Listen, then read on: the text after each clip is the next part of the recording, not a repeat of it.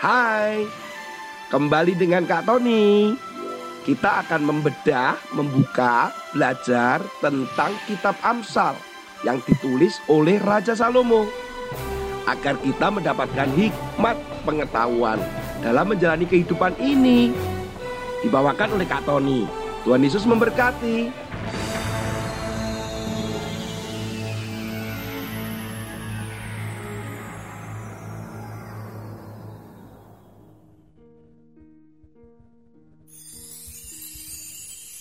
Hai hai hai anak-anak. Ketemu lagi dengan Kak Tony.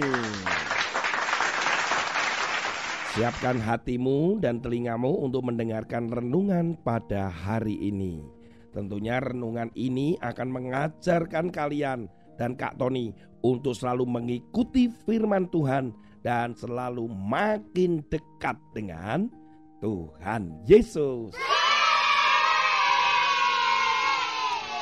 Anak-anak, beberapa waktu yang lalu ada satu kejadian yang sangat menarik sekali, yaitu hilangnya seorang raja. Waduh, seorang raja kok hilang? Betul anak-anak, ada seorang raja atau seorang pemimpin di Afrika yang bernama John Magufuli. Dia seorang presiden di Tanzania yang tiba-tiba Tiba-tiba nih anak-anak menghilang anak-anak. Wah menghilang. Betul. Pada bulan Februari tanggal 27 tiba-tiba presiden ini menghilang. Presiden yang berusia 61 tahun ini menghilang selama beberapa minggu. Rakyat saat itu bingung ke mana presiden ini. Bahkan beberapa menteri dan semua masyarakat juga mencari tahu di manakah presiden mereka. Akhirnya muncullah isu atau muncullah berita yang ini, yang itu, banyak sekali berita. Akhirnya pada bulan Maret, ya kurang lebih satu bulan lebih begitu, terjadilah sebuah berita yang mengejutkan. Ternyata presiden ini tidak hilang anak-anak. Ternyata presiden ini tiba-tiba diketahui dalam sebuah berita resmi bahwa ternyata presiden ini mengalami sakit jantung dan masuk ke rumah sakit. Hal itu disampaikan oleh Wakil Presiden Samia Suluhu Hasan. Dan ternyata memang Presiden John Magufuli menderita sakit. Kenapa sih kok sangat bingung sekali negara ini ketika presiden itu tidak muncul atau tidak ada. Anak-anak, dalam setiap negara harus ada pemimpin. Seorang pemimpin itu harus kelihatan, seorang pemimpin itu harus ada. Bayangkan kalau tidak ada pemimpin di sebuah negara, maka pasti kacau anak-anak. Dan Presiden Tanzania John Magufuli ini setelah mengalami sakit jantung ternyata memang akhirnya meninggal anak-anak kasihan sekali ya dan kemudian wakil presiden itu menggantikan dia menjadi presiden. John Magufuli adalah presiden Tanzania pertama yang meninggal saat dia menjabat.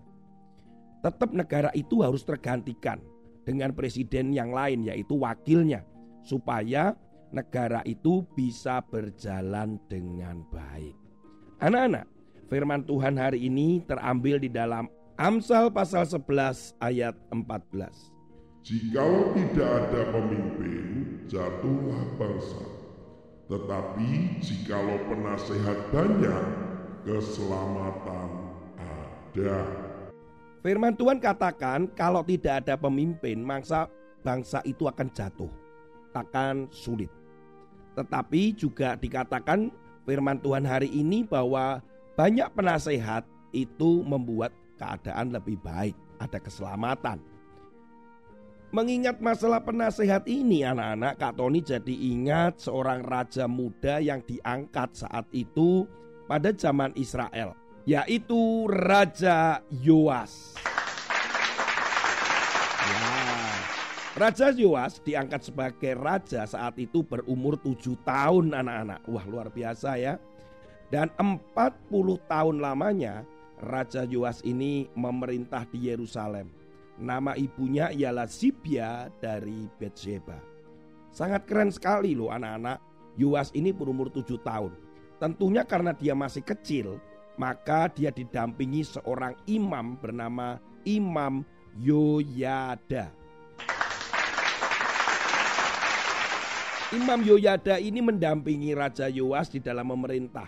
Banyak nasihat-nasihat yang membuat Raja Yoas itu hidup takut akan Tuhan. Dia hidup yang takut akan Tuhan, hidup mengajak rakyat saat itu untuk kembali kepada Tuhan, menyembah Tuhan. Wah, luar biasa. Pokoknya, selagi dia memerintah saat itu, ketika Imam Yoyada ada di sampingnya untuk memberikan nasihat, saat itu kerajaan Israel benar-benar ada di dalam perlindungan Tuhan. Tetapi apa mau dikata karena Imam Yoyada sudah semakin berumur anak-anak. Umurnya kurang lebih 130 tahun. Saat itu Imam Yoyada akhirnya meninggal dunia anak-anak. Setelah ditinggal oleh Imam Yoyada, Ternyata Raja Yoas ini menjadi sangat jahat sekali anak-anak. Dan kemudian menjadi penyembah berhala. Kemudian banyak orang-orang yang mendukung dia. Dan akhirnya bangsa ini jauh daripada Tuhan. Bahkan saat itu juga dikirimkanlah anak daripada Imam Yoyada yaitu Zakaria untuk mengingatkan kepada Yoas apa yang telah dilakukan oleh Yoas yaitu jahat di mata Tuhan. Raja Yoas diingatkan supaya dia kembali kepada Tuhan. Eh, boro-boro mau mengikuti nasihat daripada Zakaria. Eh, malah Zakaria akhirnya dibunuh. Waduh, waduh. Kok nggak ingat bahwa Zakaria itu adalah anaknya Imam Yoyada.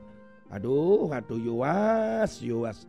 Akhirnya Yohas pun jauh daripada Tuhan dan dia mati dalam keadaan sebagai dikenal raja yang jahat yang jauh daripada Tuhan.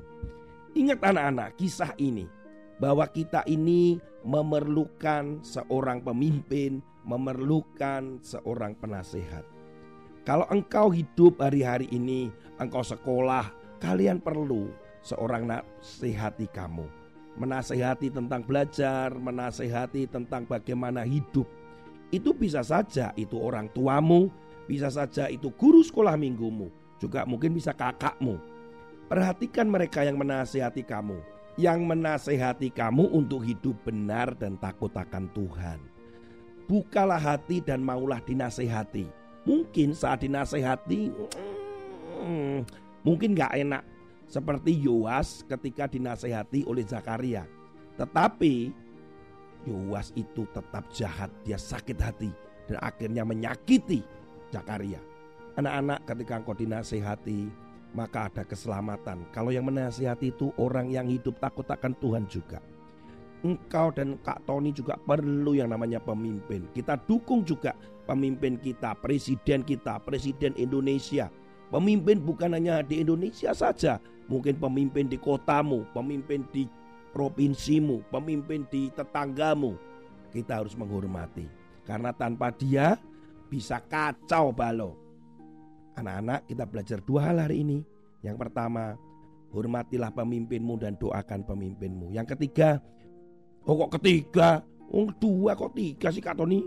Gimana sih Kak Tony ini? Oke, yang kedua, hiduplah terbuka hatimu untuk mau dinasehati dan temukan orang yang bisa menasehati kamu dan Kak Tony untuk hidup benar dan takut akan Tuhan. Sampai ketemu pada episode yang lain. Tuhan Yesus memberkati kalian semua.